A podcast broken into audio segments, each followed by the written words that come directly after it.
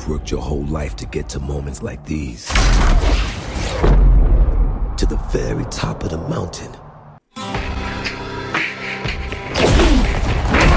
You battle through the pain and failure.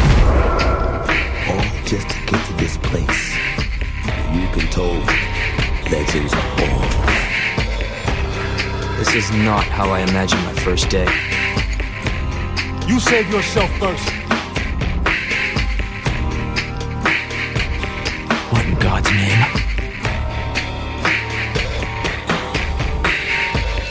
Hjertelig velkommen til Lolbua 213 E3 Galskap spesial. Eh, Vi er um, dødslei av E3. Jon Cato heter jeg. vi er ikke dødslei, men vi har holdt på nå siden lørdag ettermiddag. Eller fredag ettermiddag, egentlig, da vi begynte å forberede oss ordentlig Ja. eh, på E3. Den store, store høydepunktet for mange gamere hvert år, nemlig den store spillmessa i Los Angeles. Jon Cato heter jeg, som sagt. Eh, Du er med meg, Lars. Hallo, hallo, hallo. Nå har vi vært så sosiale i fire dager at vi orka ikke andre enn oss to i bua i dag. Ja, og så spiller vi inn litt seint, og for å få det her ut i tide på onsdag, så satte vi strek på to. Kun oss får lov å si noe og mene noe om E3 i år. Nei, men tu Tusen takk til Vegard Medenia og Ståle. Spesielt Ståle har stått på som en gal under E3. Mats eh, var også med helt til han ble kalt ut til Nordsjøen igjen. Eh, så vi har virkelig vært en hel gjeng som har stått på for å få til eh, morsomt E3-show. Pluss eh, Rikard Koteng, som var med da Ståle slapp å spille inn eh, og kommentere Nintendo alene på eh, tirsdag. Som i dag. Så altså for noen timer siden. Der dreit du deg litt ut med lyden, har jeg hørt. Eh, ja, jeg lot eh, flere streamer stå på samtidig, så det ble litt ekko. Men det var en begredelig Nintendo Direct jeg har hørt. Den store nyheten der var jo at Fortnite slippes i dag på Nintendo Switch. Og så var det, altså kom det en sånn negativ nyhet i kjølvannet av det òg, fordi alle som har spilt Fortnite på PlayStation 4, og nå skulle inn og registrere eh, samme konto på Switch, fikk beskjed om at de måtte være så god lage en ny konto, fordi hvis du har spilt på PlayStation 4, Oi. så er den låst til PlayStation 4. Det gjelder ikke for Xbox og PC og sånne ting. Ok, det er litt kjipt. Er onde Sony. Onde Sony. De har blitt litt uh, de, de er litt kjipere på det der med å dele ting. Ja, det jeg skjønner. Vi skal ta og eh, Vi regner med at det er ikke alle som hører på podkasten som følger så aktivt med på E3, altså som sitter oppe til fem om morgenen og drikker whisky og ser på pressekonferanser, sånn som vi har gjort. Så det er sikkert noen som vil ha litt sånn uh, recap, og vi kommer ikke til å gå gjennom detaljert pressekonferanse for pressekonferanse, uh, men vi har valgt ut våre personlige høydepunkter, og, og så skal vi også mimre litt, for vi, vi har jo vært på E3 Jeg har vært der ti-elleve gang. Du har vært der en fire-fem ganger, eller noe sånt. Jeg prøvde å telle. Jeg bare jeg fant bare tre bekrefta turer dit. Så jeg tror kanskje bare jeg har vært der tre ganger. Men det føltes som Du, dra, du drar jo som regel bare når Microsoft betaler. Ja, stemmer det. Det er vel bare én gang du har betalt sjøl, og det var når vi hadde den store gutteturen vår. Uh, ja, i 2014. Uh, ja, noe sånt. Noe sånt. Yes, men vi har i hvert fall henta fram eh, våre beste E3-minner og eh, våre eh, høydepunkter fra E3 i år. Men før det, har det skjedd noe annet i det siste enn at vi bare har sittet og pressa E3? Egentlig ikke. Det har bare vært sånn der eh, galskapstilværelse, i hvert fall siden lørdag, da, fredag. Så driver jeg være våken til fem om natta og sånt. Eh, Det tar på. Så Ok, det- ok. Nå, er, å, nå får jeg melding her fra Los Angeles at vår gjest er klar. Um, så jeg må koble ut min video, for den funker dessverre ikke når han er på. Uh, men han er klar. Han er klar. Eh, Er du klar for å intervjue Markus Persson, uh, Lars? Vi har snakka lenge om å få tak i Notch, fordi han er glad i det norske spillet Prime Mover. Så vi er, vi er så heldige at vi har fått tak i han. Og hallo, er du der, Markus? Hallo, ja. hører jeg läget bak i Norge, ja? Jeg vet ikke, hvordan er, hvor du er hen? Er du i Sverige eller Norge eller USA? eller hvor Nej, er jag är i min store villa her i Los Angeles. Det er mye folk i Los Angeles, mye gamers nå. Men jeg er her inne, jeg spiller litt spill og koder litt. Og... Blir det noe, blir det noe Minecraft 2, eller hva du jobber med? Liksom? Nei, men fråga ikke om Jeg hater Minecraft! Jeg avinstallerer skiten! Uff da. Hvis du liksom fikk et drømmespill, Notch Hvis du fikk en Han har kobla av. Han har, han har slo av, Lars. Du klarer Igjen, igjen så fucka det opp, Lars. Vi er, vi er ikke for, for forberedt på Notch. Det er helt klart. Men eh, vi håper han kommer tilbake, eller kanskje noen andre. Han Dag Thomas han mener Han Dag Thomas mener at Notch har blitt skikkelig dårlig på svensk, men han har bodd for lenge i utlandet. Han- har bodd for lenge i Los Angeles. Det er sånn det, sånn det skjer.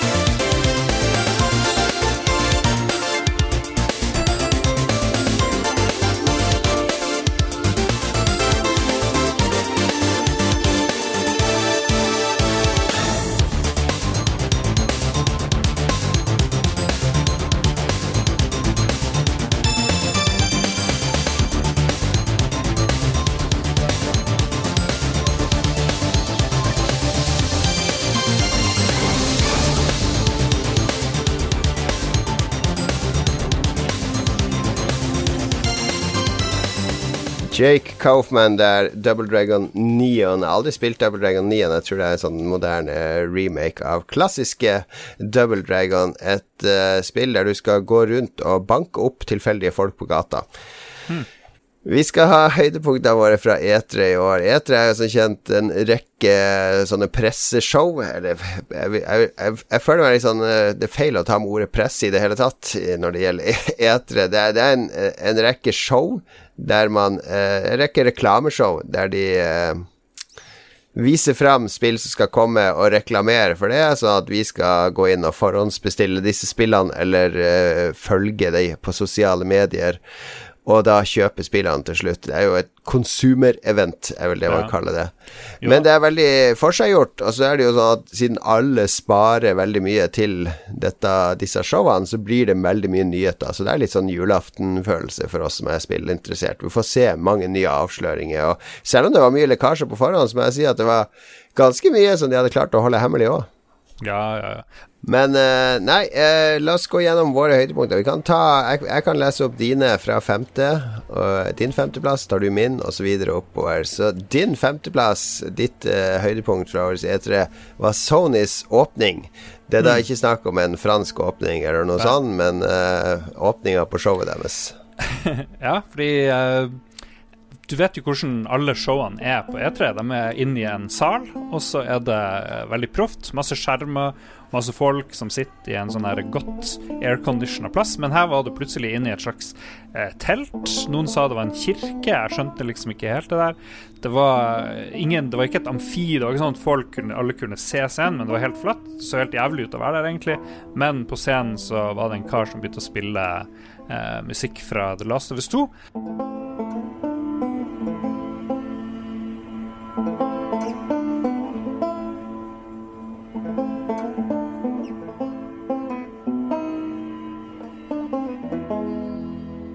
Og så kom det scener fra Last of Us 2, og da så du at den her eh, åpningsplassen for Sonys eh, pressekonferanse var liksom det der, eh, den der kirka, eller den der samlingsplassen hvor hun Er det Ellie hun heter? Husker ikke. Hun dama i Last of Us.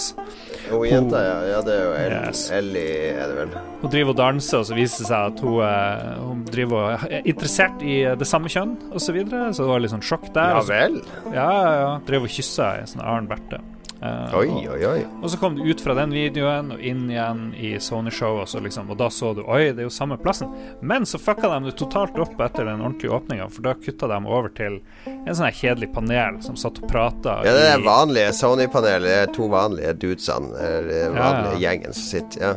Ryan Clements og Sid Schumann som sitter og babler. og Plutselig kommer den kjedelige, han der forferdelige Sean Layden, han sjefen for Sony i USA, der, han der rotta, skal det er ikke noe forferdelig. Altså, jeg har meget godt forhold til Sony i Krillbite, så ja, er ingenting forferdelig med Sean Layden. Nei, selvfølgelig. Men uh, jeg hater han overalt på jorden. Neida. Men jeg synes det, han, han var hele tida. Han er så lite karismatisk, så bare få han bort. Hvem er det du savner, da? Kaz Hirai, eller Kasiraya var genial. Jeg savna han uh, Jack Tretton? Shuhida, hva faen heter han? Shuhei Yoshida. Shuhei. Ja, han var jo bare en sånn minion av han uh, Jack Tretton var, Jack Tretton Ja. var koselig. Han var helt super. Han var veldig bra. Og så hadde du Adam Boyce var kul, og du hadde masse masse kule folk eh, på scenen. Ålreit, avsporing. Men de flytta det inn i sånn vanlig storsal med Ja. gigaskjerm og hele pakka. Og da ble du skuffa fordi du ville ha det ute i den kirka? Ja, Jeg ville ha den sant? Det gikk mot strømmen, men eh, det er mulig at det bare var shitty production, liksom, som gjorde at det var litt lofa i starten. Jeg vet ikke. Men så bare falt det fra hverandre, så det bare hele Sony-tingen bare ble en liten sånn skuffelse. Selv om de hadde mye fint å vise, så klarte de ikke å holde flyten, og det ble bare tull og tøv eh, for meg. Ålreit, ålreit. Du får ta min uh, femteplass. Ja, Jon Katos femteplass. Maneater fra Blindside slash Tripwire. Hva er dette? Dette var jo Det mest behagelige showet å se på var jo PC Gaming Show. Fordi da hadde man liksom Man trengte ikke å følge så godt med. Det var så mye rart på scenen, og, og man kunne jatte litt over ting og tang. Eh, men der kom det jo et helt fantastisk eh, spill som heter Maneater, som er der du styrer en hai. Eh, du kan oppgradere haien sine krefter, og du kan liksom hoppe opp på stranda og spise folk og, og mye sånt. Så det så bare utrolig morsomt ut med den der ville haien som kom bare og sprengte båter og kasta Ja. seg opp i roboter og sånne ting. Så det var, var definitivt et spill jeg har lyst til å prøve. Det skulle være et sånn åpen verdensspill òg, da. Der du kan røre, i- svømme rundt med den haien og, og levele opp. Det var jo en, en nytelse uten like å drive og eh, se det her PS Gaming Show etter alle de her eh, veldig stive. Det var liksom folk som så ut som oss, som kom på scenen i PC Gaming Show. Det likte jeg. Ja, så var det ingen teleprompter. Det er jo standard på de andre at du bare læ alle kommer på scenen og, så- eh, scenen, scenen, og leser opp en tekst fra en skjerm. Det blir jo veldig Ja. stivt og kjedelig fort. Din fjerdeplass, eh, gammel favoritt, du vendte tilbake, var også tidenes Var årets beste entrance på en scene, da. Når eh, denne finske Evil Knievel kom løpende opp av scenen og smadra, smadra der foredragsbordet. Eh, det var Trials Rising som ble annonsert. Ja, det var konge. Kom en sånn her eh, finske, fordi nå er vi lei de her eh, franske folkene. Nå kom finlenderne og bare, eh, ja, som du sier, smadra det bordet. Jeg hadde han hatt lov, han hadde fått lyst, hadde han sikkert kommet inn med øl òg, tipper jeg. Men uh, det skjedde ikke. Wow! Skål da, Ståle. Nå er det oppdatert er Trials. Kom to nye der. Trials comeback. Det her er en, eh, en finsk entrance. Finsk entrance hvis det er trials. Nice. Han Reiner har vært på Bra pappa. ja, Reiner lurer på om han har gått glipp av noe. Nei, du har eh, Jeg tror du kom akkurat i tide. Ser sånn ut. Trials is all about crashing with style er det and da, getting up again. Er Finland, Hello, er Finland Ståle. Ja, bra. Ja, det er sant. I'm Silverso, creative director of Trials Anti. and also Anti. Prime Og Minister of getting up Finland. again. Prime Now Minister I'm of pleased to Finland. announce Ja. that Trials is var back nesten at du and it's vente. bigger than den ever. ja. Gjette, gjette. Og så hadde han med seg en sånn gjeng sånne her, eh, halvfulle karer i studio som drev og ropte og hylte til han, og så viste de kule ting fra Trials uten, et Trials uten masse tull i seg. Uh, de visste i hvert fall ikke noe sånn her eh, flygescene og sånn her eh, eh, motorsykkel med rakett på og sånt. Så det så ut som En mer var fokusert trials, rett og ja, slett. Ingen firhjulinger og sånn der. Men eh, litt tull, det er jo gøy. Men eh, kanskje litt mer eh, interessant nå for den harde kjernen òg. Ja, nei, jeg, ser frem til nytt trials. Vi har jo vår venn uh, Tore, mm. som nekter å være med på podkasten, men som vi har spilt mye med, og han var jo eh, han var jo sånn som var veldig kjedelig å ha på vennelista på trials, fordi han måtte ha de beste tidene av alle. Og uansett hvor bra tid du satte, så klarte han å sette en som var noen hundredeler bedre. Så vi får se om han kommer tilbake nå. Han har sånn spillsølibat for eh, tida. Han var, han var hardcore. Uh, Ubisoft Showet var jo var ganske bra, syns jeg. Uh, ingen, av Ja. oss har, eh, ingen av oss har Beyond Good and Evil eh, 2, eller hva den het.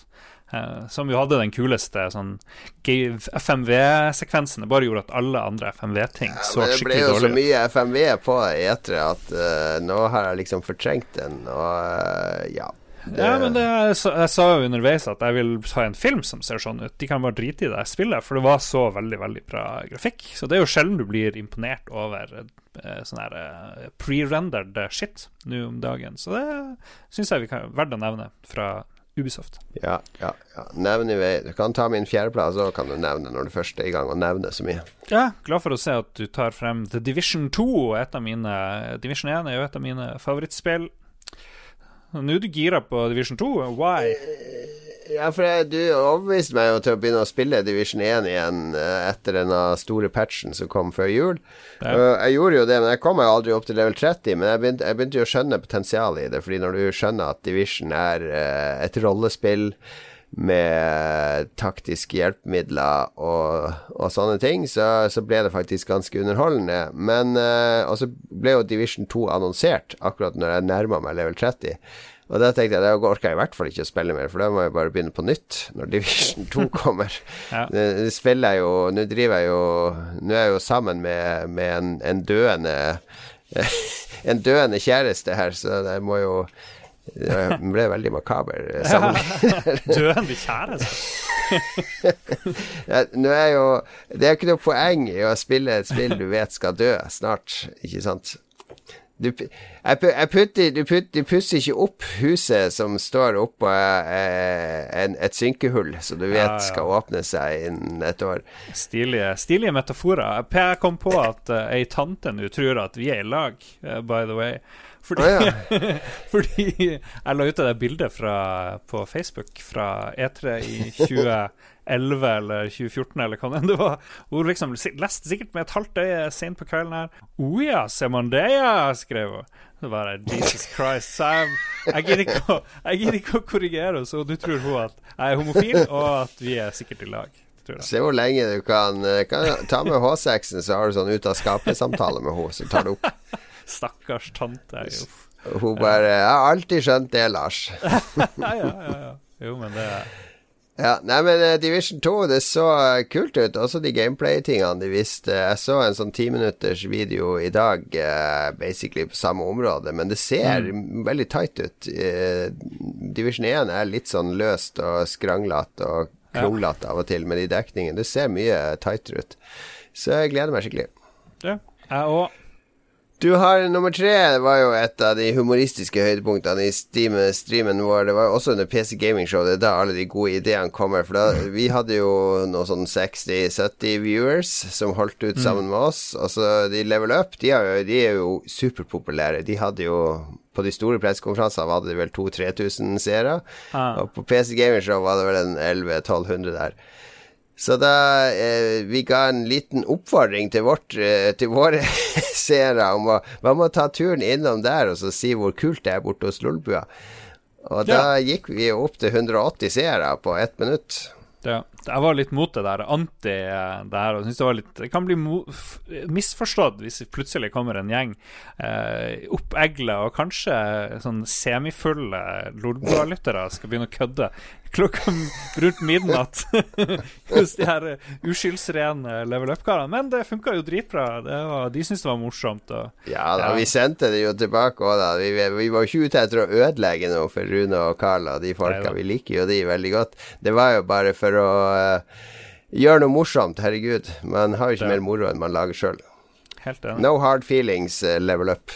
Men det er jo en genial idé. Sånn, sånn som nå.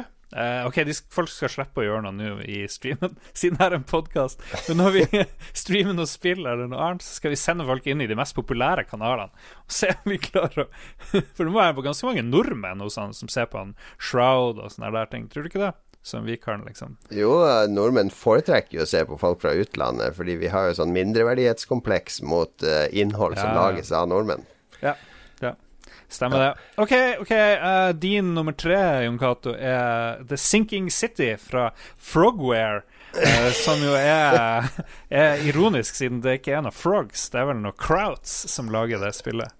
Uh, det er Den skjønte jeg ikke. Jeg bare, jeg bare går forbi den i stillhet.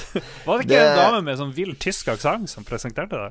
Nei, nei, nå blander du. Det er, Ah, ja. det er ikke det her Det er ikke det der uh, Sea of Solitude, tenker du på. Ah, ja, det, er- det Nei, er sånn det, sjø, det syns jeg var litt uh, småkjedelig presentasjon. Men Sinking City var på PC Gaming Show. Det var et sånt her horrorspill med HP Lovecraft-greier, der de gikk rundt i en sånne kjellere og katakomber fulle av vann, og det var noen Ah. lik her og der.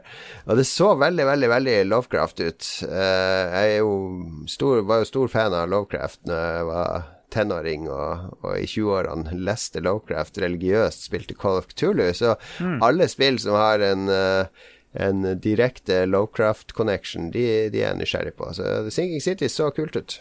Ja. Nei, men det er jeg helt enig i. It look, it's looking good. It's looking good. Noe annet som så veldig kult ut, men som jeg ikke aner om blir kult, eller jeg egentlig har lyst til å spille, er jo din andreplass, nemlig Death Stranding fra vår venn eh, Hideo Kojima. Ah, det er så bra, det er så bra. Jeg elsker Kojima mer og mer. Tenk hvor, eh, sånn som han Mats sa underveis, tenk hvor mye eh, Konami har holdt han tilbake frem til nå. For nå er det jo bare 100% sprut-crazy, alt det han kommer med. Og jeg vet ikke om du har sett den videoen eh, hvor han driver Det han Norman Reedus, eller hva han heter, driver og bærer sånne svære ting på ryggen som bare skifter form. Og plutselig tror du han går rundt med en kiste eller en sånn fyr pakka i to. Og, jeg vet ikke. Veldig syke ting. Jeg, eh, jeg er intrigued, jeg er intrigued, men jeg må jo Det var gameplay-footage òg, var det det? Jeg har ikke sett alt der. Nei, du så noen som gikk, og det så ut som noen styrte kameraet manuelt, men jeg vil ikke kalle det gameplay, liksom. En walking simulator. Du skal gå rundt Ja. med en blob på ryggen som skifter form. Ja, og Plutselig bare slår han på magen, og så våkner det babyen, det er fosteret til live. Det er veldig, veldig rart. Eh, rart er bra, da, så jeg skal gi det en sjanse, men jeg er ikke helt solgt ennå. Jeg er ikke det. Nei, nei da. Vi må, eh, vi må få noe gameplay først. Din andreplass, Sekiro Shadows Die Twice. From Oh, yeah. Software, er det ikke det? Riktig, riktig. Dark Souls, Bloodborne, uh, Demon Souls. Folka, uh, det ble jo teasa på forrige E3, da på Sony sin pressekonferanse, bare sånn logo og noe bitte litt grafikk. Shadows Die Twice.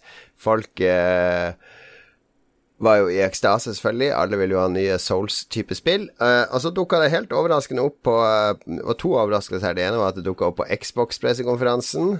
Uh, som jo tyder på at Xbox er veldig opptatt av å vise at de kule spillene er her òg. Og at det er Activision som skal gi det ut. Noe som tyder på at Activision også er opptatt med at her vi, vi skal også ha gamerspill, ikke bare Ja. lootbox, game as service, eh, Destiny og, og sånne ting. Ja, men det var liksom lite Jeg har ikke noe grep på hvordan spillet er. Det virka mer actionorientert enn eh, Ja, det var jo sånn orientalsk setting, og så hadde han en sånn grappling hook som ser ut til å være ganske sentral. Altså I Dark Souls så kan du jo enten bare ha våpen Våpen og skjold er jo grunnutrustninga der, da, så du kan parere og blokke.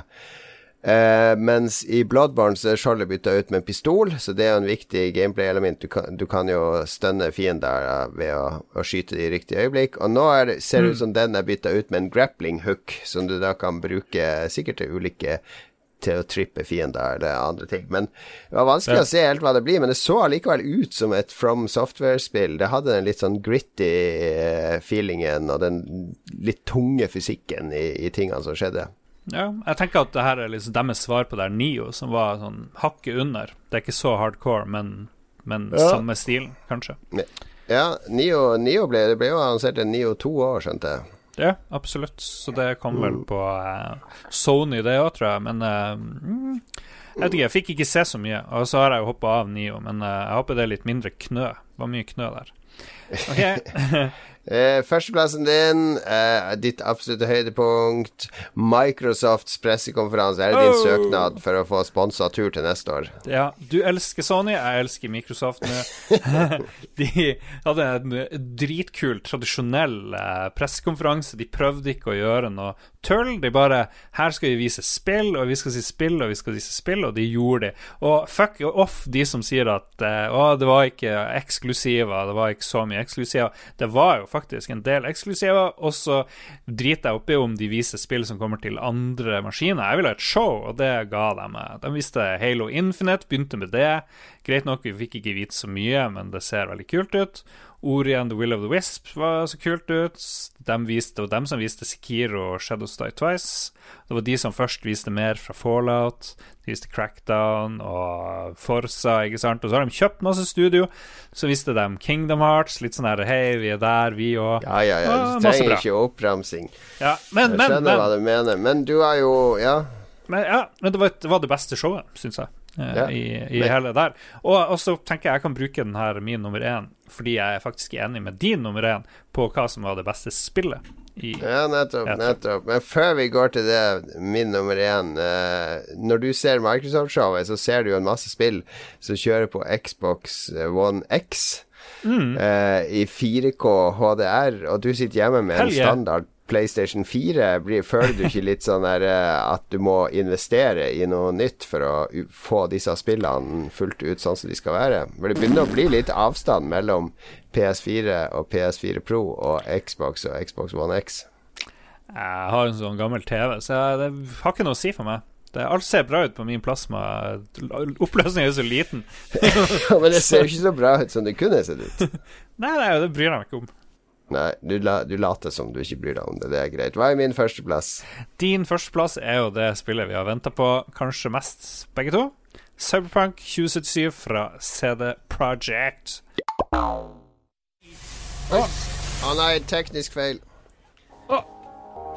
CD Project. Call Directory. Er det Cyberpunk, kanskje? Ja. Hacks. Det er det.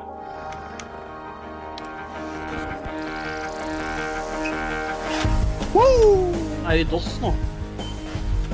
Uh, jeg liker bilen. Ja, nå kjører den. Så jævlig fett. Dritbra. Er ikke den bilen de bruker tilbake til fremtiden? Bare nyere utgave? Det var samme vibe. Fy faen, så bra ja. stil. Ja, men eh, er det game... Det her så jævlig fett ut. Likte at det var fargerikt. At det Ja. var masse farger, ikke Masse som neon. sånn Ja, ja, grått, grått, Helt dystopisk. konge. Mm, yes. Det så helt amazing ut. Det så eh, Det snakka vi litt om på, på en stream i går, eh, at eh, Eurogamer hadde en kommentar om hvordan det ble presentert i forhold til uh, hvordan f.eks. Just Cause 4 ble presentert. Eh, Fordi begge er sånn åpen verden-spill. eh, og Just Cause 4 det blir sånn veldig fokus på hva du kan gjøre. Du kan fortsatt bruke grappling hook, du kan slenge skip, eh, helikopter i veggen, du kan fly, du kan ditt og datt. Mens i Cyberpunk så var det bare han hovedpersonen var liksom Han var bare i forgrunnen og gikk rundt i verden. Det var alt som skjedde i bakgrunnen som var det interessante. En dame som kommer ut av et helikopter, eh, røde løperen på en fest, T-banen, bare folk som satt på den T-banen, kartet til T-banen byen bak reklameplakatene. Det er liksom en sånn enorm selvtillit i det de presenterte der. Ja. Jo, det er jeg helt enig i. De, de viser en verden som bare lover masse, og som ikke prøver i det hele tatt å liksom imponere deg så veldig med å rope ut historien sin, eller hva nå enn det er. Bare lar deg tenke sjøl, og 'Å, det hadde vært kult hvis det var sånn eller sånn'. Det, det er vi, den vi er jo også store fans av uh, de rollespillene som kom der på 90-tallet. Vi spilte jo mest Shadowrun da, men vi var jo innom Cyberpunk eh, 2020 også. Ja. Vi liker veldig godt den settinga. Vi har jo lest William Gibson begge to, og masse Cyberpunk-romaner. Så det her det er jo egentlig litt sånn drømmespillet vårt, og spesielt at de Cedar Project Red lager det, som, som har fokus på spill og gameplay og story, og ikke kommer til å ødelegge det med noen økonomiske modeller eller andre fristelser. Absolutt. Eh, vi kan jo kjapt nevne noen andre eh, høydepunkt som vi ikke har fått nevnt her. Det er Ghosts of Tsushima ser jo veldig pent ut. Jeg vet ikke om du så det.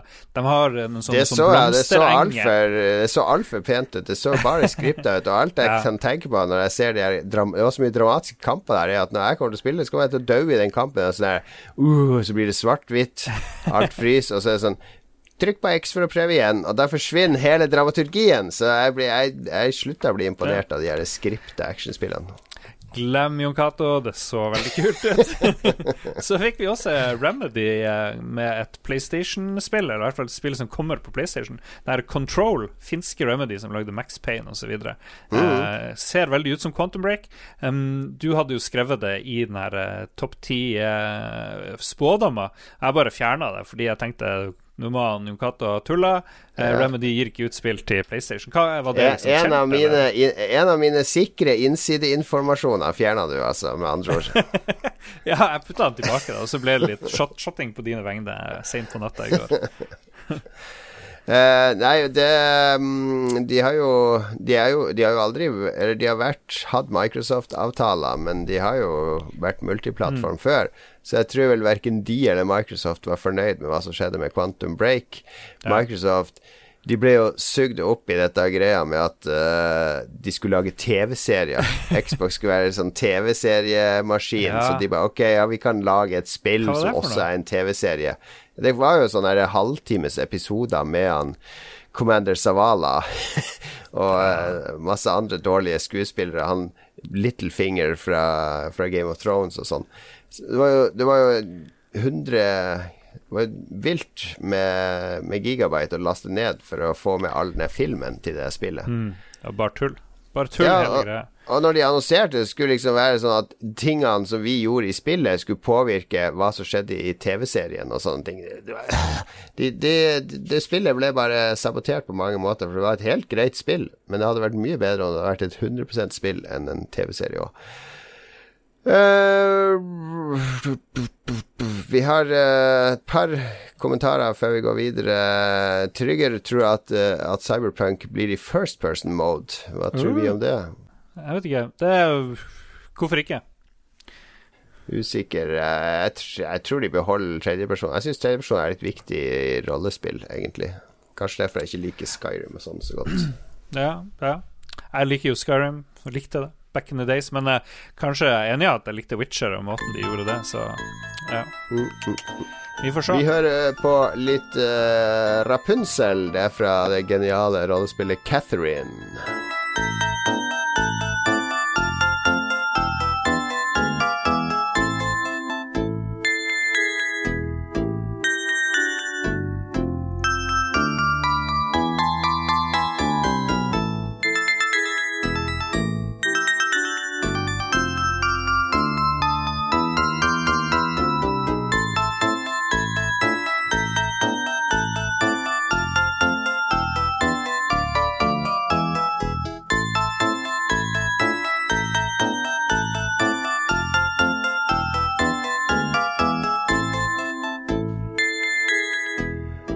Vakre toner der. Du hører ikke musikken du, Lars. Jeg er litt uvant for deg der.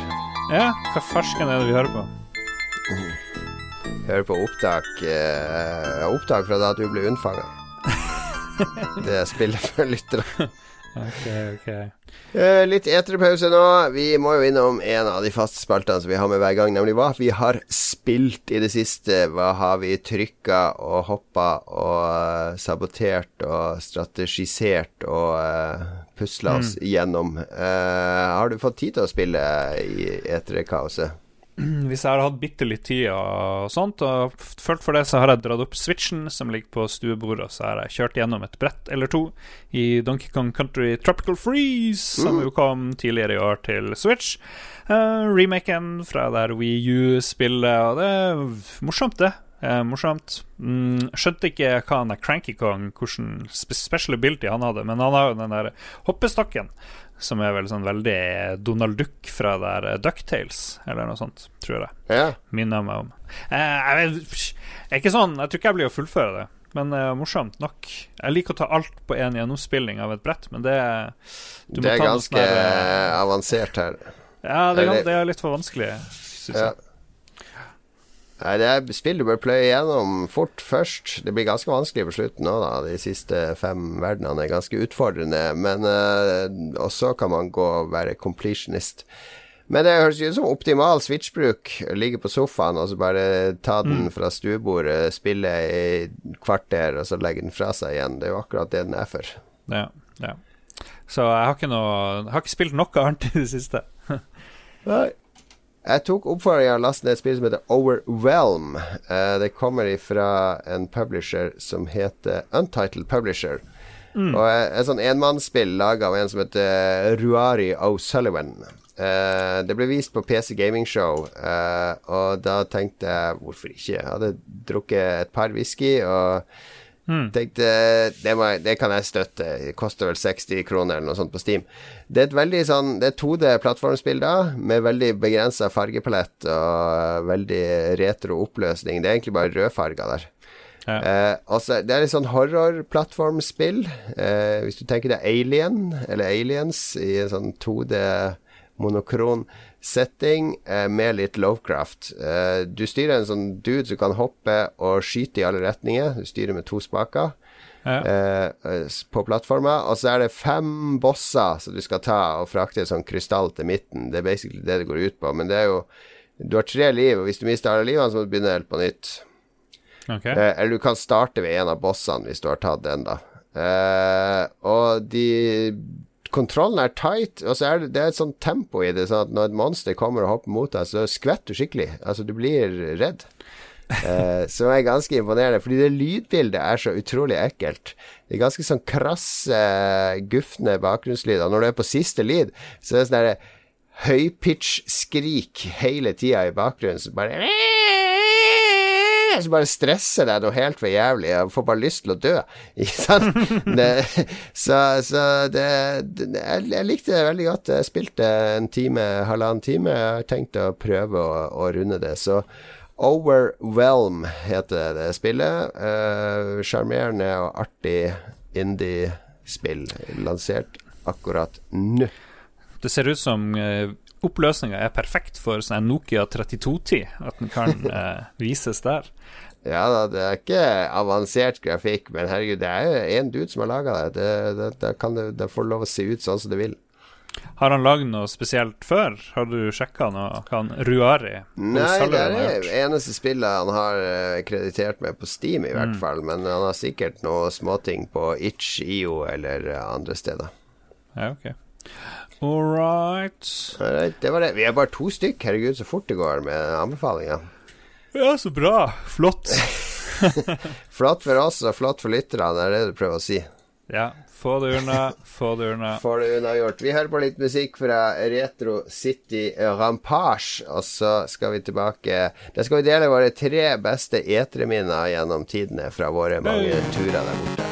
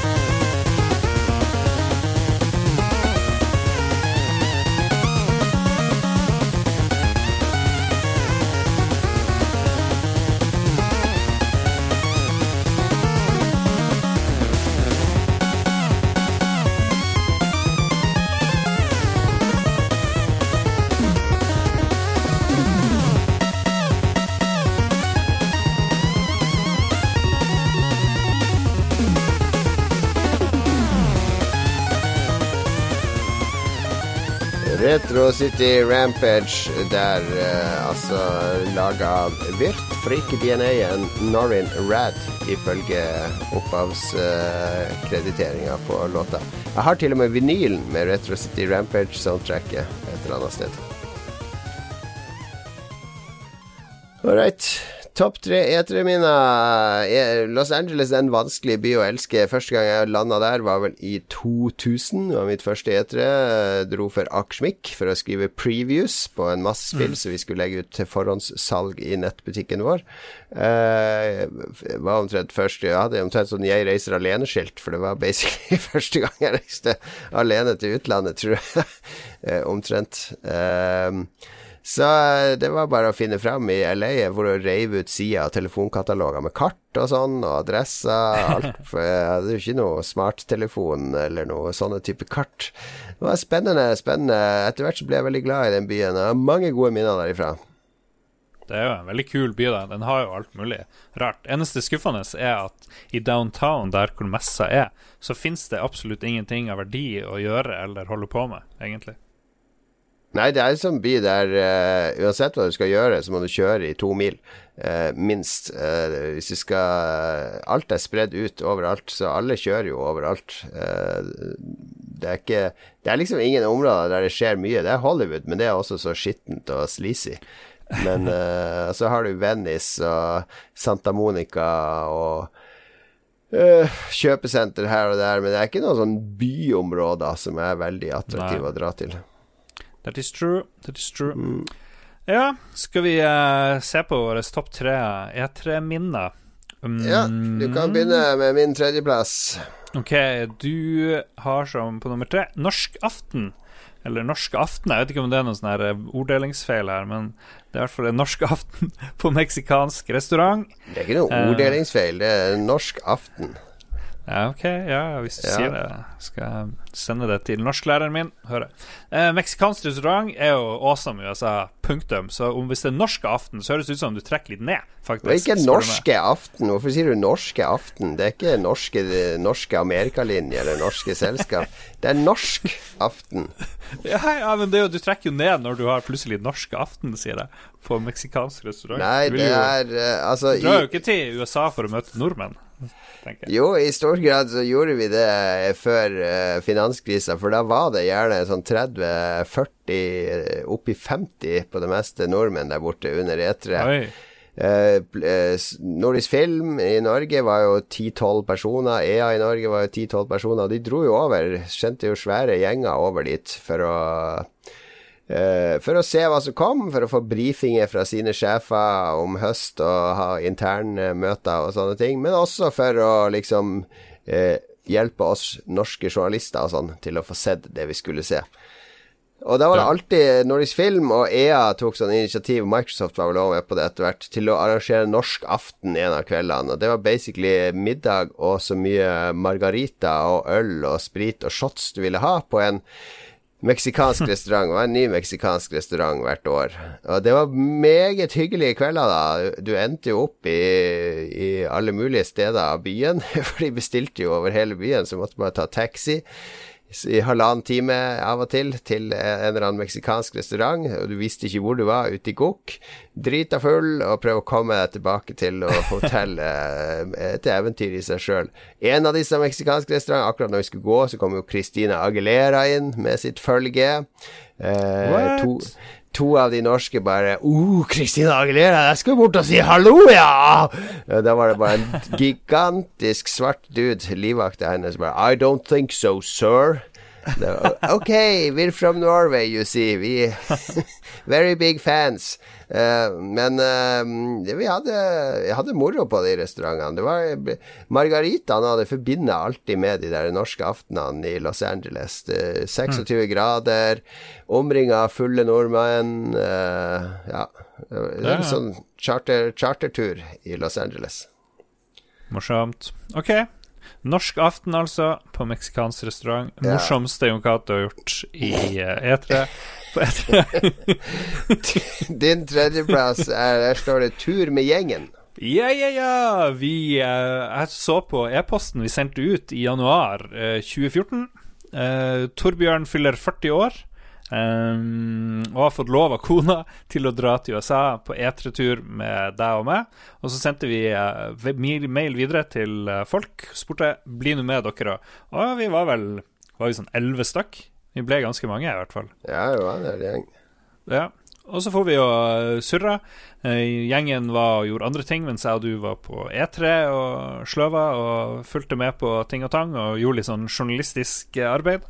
Så var vi ferdige og dro på eh, sånne Six Flags og for på verdens dårligste kino. Og for på sånne berømte steder rundt omkring. Og, eh, morsomt. morsomt Hollywood og for på stripa der og bli full og havna på kjøret. Havna på narkokjøret. Det var, det var en veldig kul tur. Uh, men det var en litt sånn todelt tur òg, for jeg og der var jo der for å jobbe, så jeg lå jo på senga og skrev saker på morgenen som jeg sendte til Aftenposten. Og, og de andre De tre første dagene der så var jo liksom vi atskilt fra de andre. Så det var jo litt uh, Jeg følte det var litt frustrerende da når jeg først hadde alle vennene mine der borte, så det var litt kjedelig å måtte drive og jobbe. Ja. Men så hadde vi jo en episk. Men da var du sjuk også på den der mest episke kvelden vi hadde der, når det var åpning av fotball-VM, og vi måtte shotte for hvert mål i åpningskampen, og vi dro og Ja. spiste pizza på eh, Rainbow-stedet, og vi dro på podkastinnspilling med Kevin Smith, og Ja. en Men jeg var en- med på halve kvelden. Jeg kom etter hvert, så jeg for Nådde dere akkurat på det Rainbow eh, Var det plassen til han der eh, i eh, eh, Han Lemmy, var det? Det var stamstedet til Lemmy. og sånn. Ja, det var et sånt rocke, rockested. Det Det var moro. Der møtte jo du han eh, verdens kuleste meksikaner også. Han, han som alltid Det første han gjør i åpne i hver eneste scene han er med i en film, er å flerre av seg på overkroppen. han uh, Danny Trejo. Trejo. Ja, jeg hadde jo han som uh, profilbilde lenge. Ja. Med han. Det var tidligere. Det var, det, det var en fantastisk kveld, det er jeg enig i. Men det var en flott tur. altså Guttetur til Los Angeles kan anbefales varmt. Fordi det, du kjenner deg så mye igjen hvis du har sett mye film og sånn. Så er det liksom overalt er det steder. Husker du første kvelden når vi skulle ta noen øl på den her ombygde brannstasjonen? Det var krysset der åpningsscenen til Speedet, der Keanu Reeves står i åpningsscenen, og det kommer en sånn bil og krasjer og litt sånne ting. Ja. Nei, det er magisk. Det er konge. Konge, konge. Nummer to uh, for meg, ja. Eh, Nintendo Norway har du skrevet. Det, ja, igjen er det nordmenn som står i fokus uh, i USA. Ja, igjen er det opplevelser med nordmenn, må jeg presisere her. Fordi vi var jo på Mye av det å dra på etere var jo å komme seg inn på disse festene. Det og de var jo fordelt utover hver dag. Det var Sony-fest én dag, Microsoft-fest én dag og Nintendo-fest én dag. Og så var det liksom krangling den siste dagen om du skulle på Activision eller Ubisoft eller whatever. Eh, Rune Fjell Olsen kom seg Ubisoft hadde jo en gang fest på Playboy Mansion, som Rune Fjell Olsen kom seg inn på, eh, som ingen var misunnelig på i det hele tatt. men eh, men eh, min, mitt, en av mine høydepunkter der, er- det var jo på en av Nintendo-festene eh, oppe i Hollywood, der vi satt oppe på en sånn takterrasse, og så var det jo et av verdens verste band som spilte i det rommet under. Eh, de er franske mm. fløtepop-band ah, Jeg husker ikke hva det heter. Ja, jeg skjønner. Maroon Ja. 5. Maroon 5, ja. Oh. Så vi satt jo på takterrassen og drakk, og så hadde de laget sånne, var sånne isterninger, sånn selvlysende isterninger på bordet og sånn, så vi drev og lagde eh, mønster med. Du kan jo tenke deg hva, hva slags tegninger du lager med sånne på et mørkt bord, når det sitter fulle menn der. Det ble mye rart. Altså, men så kom vi i snakk. Det er jo my mye sånne CEOs og high, eh, høyt oppe-folk som kommer på disse festene for liksom å networke. Ja. Så det var noen sånn kje- dame som for og prata med oss, da hun jobba i Majesco, hvis du husker den eh, utgiveren. De var sånn halvstor på starten av 2000-tallet. Og hvem vi var, bare, så bare jeg bare Yeah, we're Nintendo Norway, og sånn. Og så kom hun ble bare sånn Uh, Nintendo Norway! Og kom dragende med sjefen i Majesco og sånn, for her skulle de Her skulle de ta info om det norske markedet og sånn, så vi satt jo bare og bullshitta i en halvtime om Nintendo Norway og hvordan vi ble nedprioritert av Nintendo Europa. og bare og spredde en masse desinformasjon.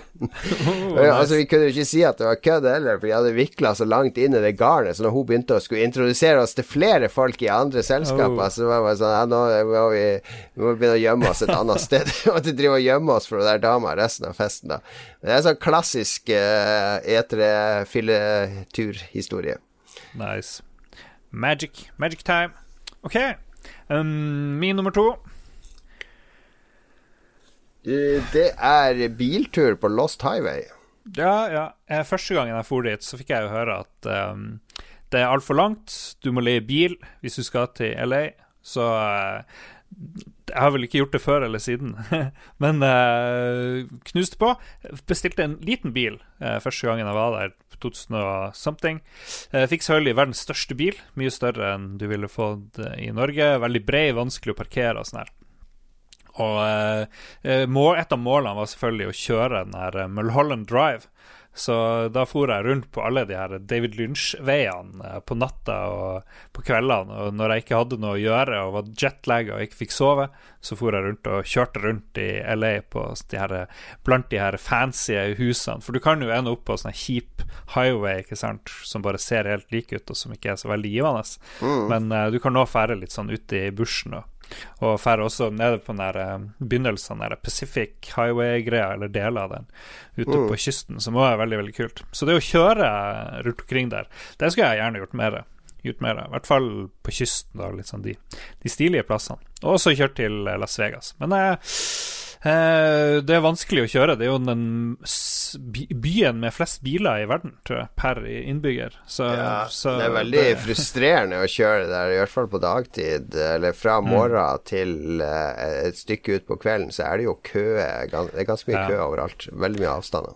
Ja, nei, så hvis du havner i rushen, så er det, det Don't do it. Men ellers eh, Vi hadde bilby. vel eh, en sånn rush-opplevelse når vi var der med hele gjengen. Når vi skulle skynde oss fra messa opp for å møte de andre sånn i tre-halv fire-tida. Det er den mest sinnssyke køen stått i. Vi kom sånn der en meter fram i minuttet, liksom, mot det Ja. ene krysset, husker jeg. Ja, Bilene sto og pressa og pressa. Vi, noe, vi har noe videoopptak fra denne turen, så jeg tror jeg skal linke det i shownotes på lolbua.no. Så kan dere finne vår videoreportasje fra 2014. Do it, do it, do it. Din nummer én er da Miyamoto åpner døra. Ja, det har jeg fortalt om flere ganger i podkasten her før. Det var det første året jeg dro til Etre, og jeg ble invitert til alle fester. Jeg visste ikke hva jeg gikk til. Jeg visste ikke hvor stort ting var. Det var en stakkars eh, gutt fra Harstad. Eh, bodde i Oslo noen år, men aldri vært på noen sånne kjendisfester eller eh, jeg har aldri vært på Aschehoug sitt hageparty eller noen sånne type ting. Eh, altså kommer du Ja. liksom til Los Angeles, der det er fester eh, Gigafester med milliondollarsbudsjett. Så eh, på Nintendo-festen på House of Blues var det fullt av folk og mat og øl, og jeg forsynte meg, så skulle jeg ut på terrassen og se om jeg fant et sted å spise, og så klarte jeg ikke å få opp døra, for jeg holdt øl og fat og bestikk og alt sånt, så jeg drev og knuvla litt for å prøve å få, holde alt med én hånd, og da gikk døra opp, og da var det Miyamoto som åpna døra, for han var på vei inn. Så han åpna døra for meg, og jeg mista jo munn og mele, selvfølgelig. Ja. Bare Arigato domo, domo arigato, Mr. Miyamoto. Du sa buongiorno. Buongiorno, Miyamoto. Fikk du ikke, fikk du ikke noe sånn her eh, autografen hans og sånne ting? Du kan ikke be om det når du er invitert på sånn eh, Nintendo-fest. Hvis du er invitert på fest hjemme hos uh, Harrison Ford, og så ber du ikke om autografen, Lars. Ja, men du var jo ikke kompis med han Miyamoto, liksom. Men ok, ok. Greit Nei, men du Greit nok. vil ikke vise at man er sånn der eh, fan heller. Man må være casual, vet du. Casual. Ok, gikk nok Din, bra. Ditt toppminne, Journey. Ja. Um, noe av det som er kulest, syns jeg, med å fære på E3, i hvert fall før, det var jo at I hvert fall når nettet ikke var så, så sånn som det var i dag, og man vet så mye som i dag, og det er så lett å finne informasjon om alt, og du vet på forhånd nesten alt som kommer på E3.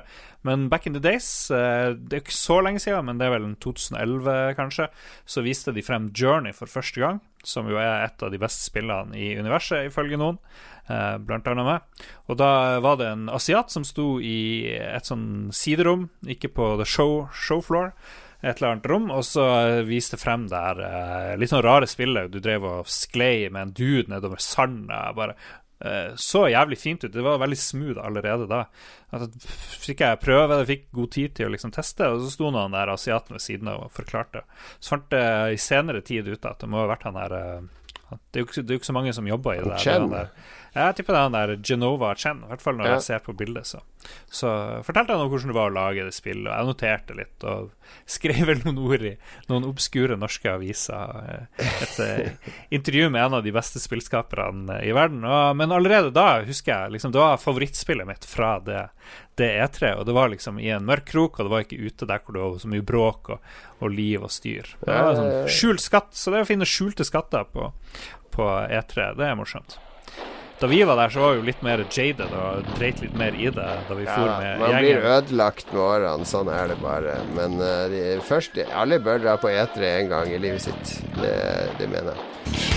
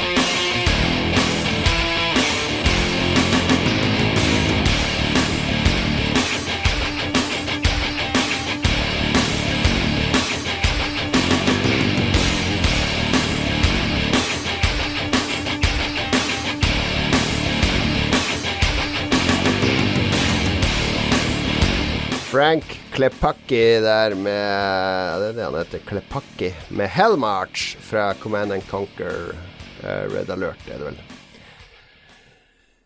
All right. Ja, kan vi runde av snart? Eller vi har jo selvfølgelig lytterbidragene. Og uh, vi har fått lytterbidrag ganske mange Ja, steder. I, eh, bra det, er det ikke det? ja, ja, ja, ja. Så vi har uh, både her og der. Jeg kan begynne med entouraget vårt. Um, vi spør selvfølgelig hvem har vunnet E3, hva er dine favorittøyeblikk, hva du hater, etc. Kosti Eriksen, vår flygeledervenn, sier at Microsoft var best, eh, Nintendo var ræva, og han ble overraska av Cyberpunk 2077, selv om han synes tittelen var for generisk. Og eh, der fyrte Jens Arthur Leibach seg og sa at uh, tittelen er 57 år etter Cyberpunk 2020, fordi 2020 er om to år.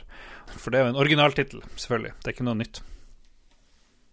Ja, det er jo basert på penn og papir-rollespillet Cyberpunk 2020. Så, så navnet kommer derifra. Men det ja. en, var en kul franchise, selv om navnet Cyberpunk nå i dag eh, sikkert høres ganske teit ut for mange. Um, jeg er enig i at eh, Microsoft gjorde det bra. Kosti, absolutt. Uh, Øystein Dahl sier at Sony vant på eksklusiver og ting han ville spille, mens Microsoft hadde bedre konferanse. Uh, men stort sett spill som kommer til alle plattformer. Ubisoft var litt for forutsigbart og for mye kjedelige videoer. Uh, hva syns du var den beste sånn allround-konferansen av de du sa? JC. Eh,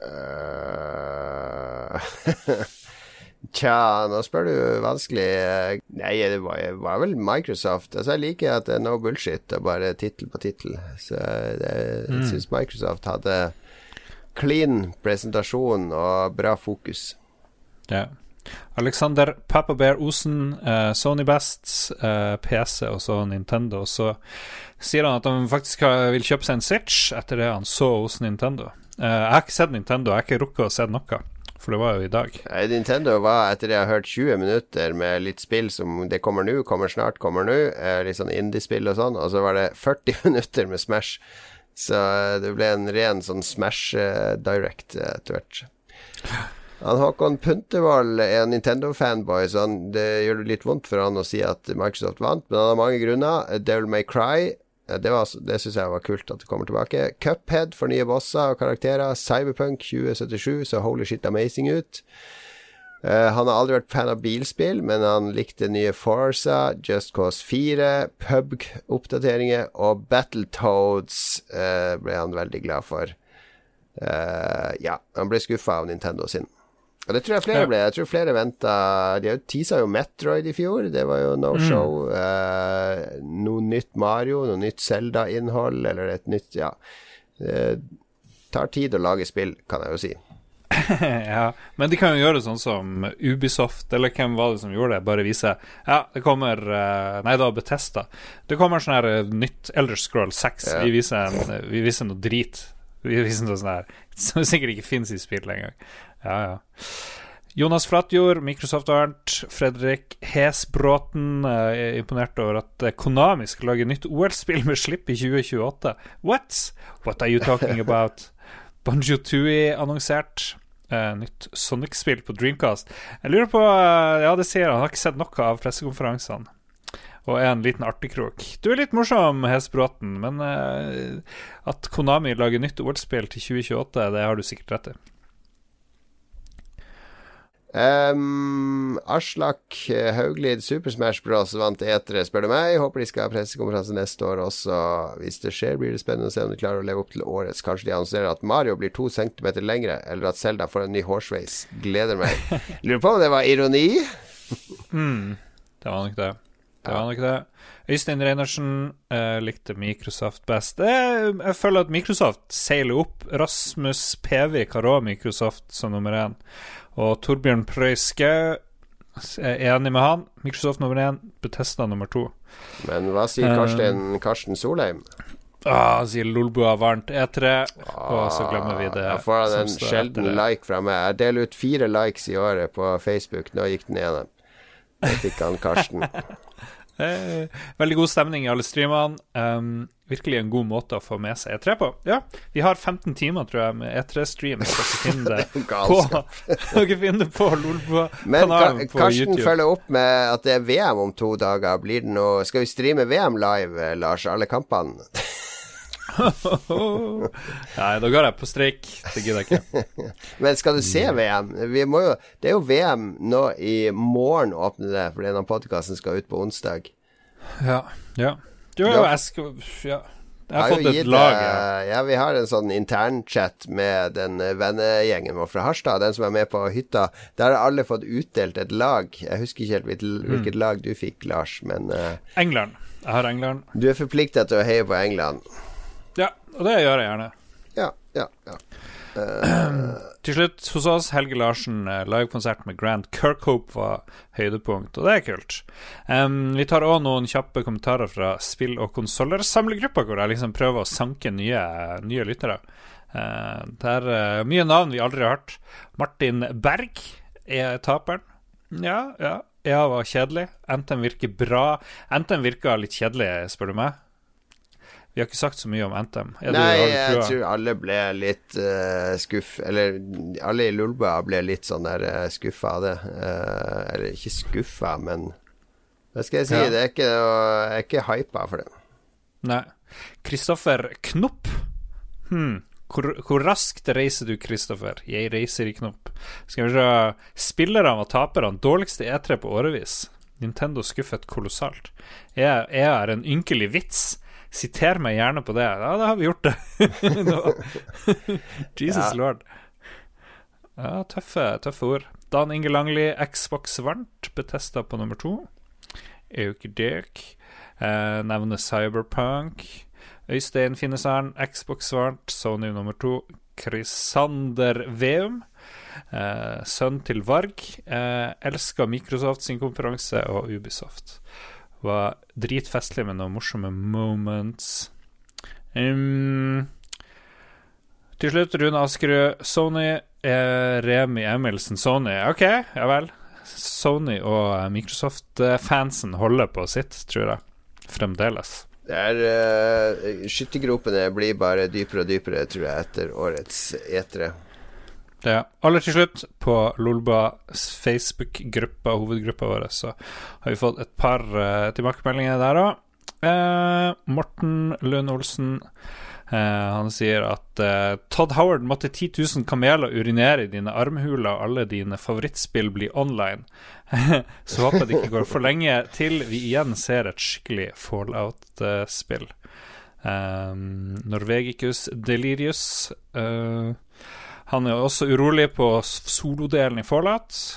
Ja. Og til slutt Karsten Solheim, Ghost of Tsushima. Vi har ikke nevnt så mye Fallout 76. eh, skal vi avslutte med noen tanker om det? Nei, noen tanker om det? Nå satt jeg og venta på at du skulle lese opp kommentarer fra Mammaforum og andre steder som du har vært og posta Syns jeg ble mye, mye kommentarer på slutten. Fallout 76 er jo Jeg tror med Betesta sin eh, CV eh, når det gjelder tekniske issues i spill, så kan jeg ikke skjønne at det skal fungere for ca. et år etter lansering. Nei. De, ja, men eh, det er jo Så lenge de, det er det de har lyst til å lage, så, og de har troa på at det skal funke, så Jeg hater jo å, dø, å dømme spill nord og ned før Jeg må jo gi det en sjanse. Ja. Det kan jo være morsommere enn jeg tror, ikke sant? Ja. Men jeg, jeg skjønner de som vil ha rene singleplayer-opplevelser. Jeg er skuffa. Men det var veldig mye singleplayerspill på årets etere, da, så det er ingen grunn til å være skuffa over at akkurat det er online. Det er mye annet man kan ta seg til. Ja. Å bli skikkelig sint, det har jeg til gode å bli i årets E3. Eller jeg vet ikke, da klokka var 03 eller 05 og sånn der, og Betesta drev og tulla, eller Jeg vet ikke. Jeg, Du var rimelig sinna under Betesta-konkurransen. Da sa du 'herregud'. Eh. ja, lite søvn, da blir jeg grumpy. Vi må takke til alle som har sett på. Takke til alle som hører på, ikke minst. Eh, Vi eh, er veldig glad i å kunne lage denne podkasten. Det er et rent overskuddsprosjekt for oss, eh, så vi setter pris på at eh, såpass mange hører på og har lyst til å høre på de to gamle gubbene her. Og vårt, vårt utvida, vår utvida redaksjon. Vi er tilbake neste uke. Da begynner fotball-VM, så da må vi ha en fotball-VM spesial, Lars, syns jeg. Okay, okay. Nei, neste uke er ikke jeg med, så du skal få bestemme sjøl. For da er jeg i Berlin. Jeg er i Berlin neste uke på Berlin? en konferanse som heter Amei Nei, ikke Amaze, den heter Unite. Er sånn Unity-greier som jeg skal på i Berlin. Da skal jeg eh, ta bilde attmed muren, og jeg vet ikke hva som er i Berlin. Jeg har aldri vært der. Hvis det er En noen- uke i Berlin? ja. Hvis det er noen lyttere som har Berlin-tips til meg, stedet jeg vil gå Jeg har veldig lyst til å gå på sånn Jeg hørte hørt rykter om at det er sånn nattklubber som er åpne på dagtid. Der, der de Det er jo ikke en nattklubb. Der det later som det er klokka tre om natta rundt lunsjtid. Jeg har veldig lyst til å finne en sånn klubb. Så hvis det er noen som kan mye om Berlin, send, noe, send oss noen tips, så skal jeg sjekke det ut uh, når jeg er der. Veldig, veldig spesielt. Ja, ja. Ta og Følg oss på eh, Facebook. Gi oss masse stjerner i iTunes. eh, Følg soundcladen Soundclouden vår. Bli venn med oss på Instagram og Twitter og alt det der. Send Trump masse penger, folkens. Det har vi glemt. Ja, nå, eh, nå blir det fredspris på Trump når han ordner fred Ja. eh, i Nord-Korea og nedrusting og sånn. Så kommer, hvis det blir fredspris på han, så kommer han jo til Norge, Lars. Ah, det er jo genialt. Tenk, kan vi endelig få møte Trump. Og han, jeg tipper han er liksom mer hyggelig person, da. Eh, Det han er på Twitter, i hvert fall. Det, Ja, det så, så mye vi har snakka om Trump, så burde vi stå høyt på lista over media som skal få én-til-én-intervju med Trump. Vår søknad yeah. er inne hos Nobelinstituttet allerede. Takk for oss. Ha det bra. Ha det.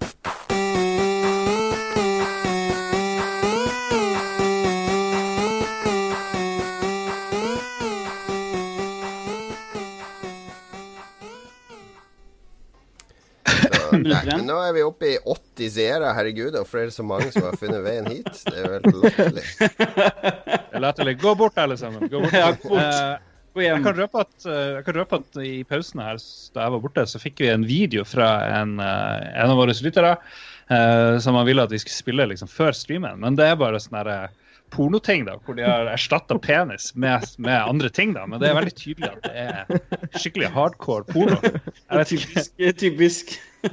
Skal vi vise det? Er dere klare til å se det, liksom?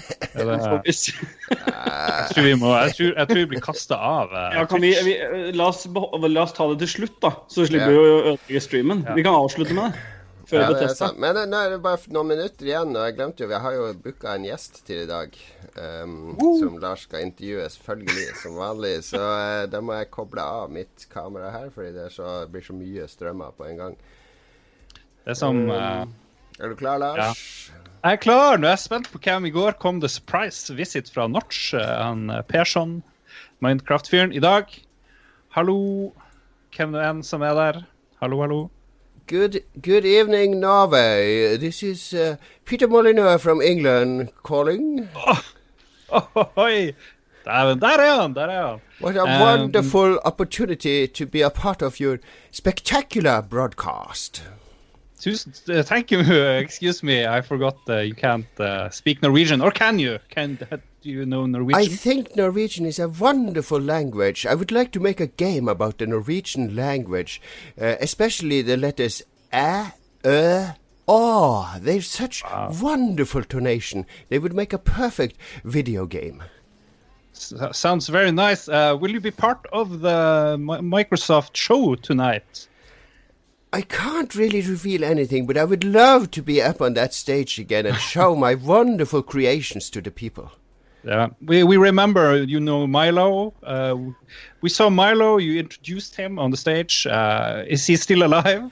Yes. Kill him in your basement. No, uh, he's still in my basement. He's very well, thank you. I give him meals every day and he says to say hello and he would love to be back on the stage as well. But you know, Milo, like all my games were a little bit ahead of their time. You know, I, I always think ahead of what's going on right now and I make spectacular games that are ahead of the time. But but Milo didn't really work. It was all just like pre-recorded. Uh, we hear uh, now. Is that true? That is a filthy lie. That's a filthy lie, you dirty Norwegian. You dirty drunk Norwegian sitting in your bedroom with Come another on. man. What are you thinking about? Come on, uh, come on, Mr. Molyneux. Don't get mad. We, I'm a journalist. I need to ask like the real questions. Okay, how about Fable? Is the is there will there be a new Fable today? Do you think on the show? There are always fables in games. A lot of games create their own fables. Uh, a fable is what you make of a game, you know? Jesus Lord.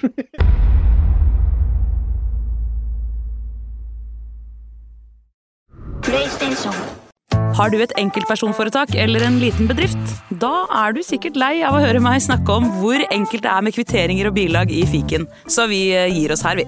Fordi vi liker enkelt. Fiken superenkelt regnskap.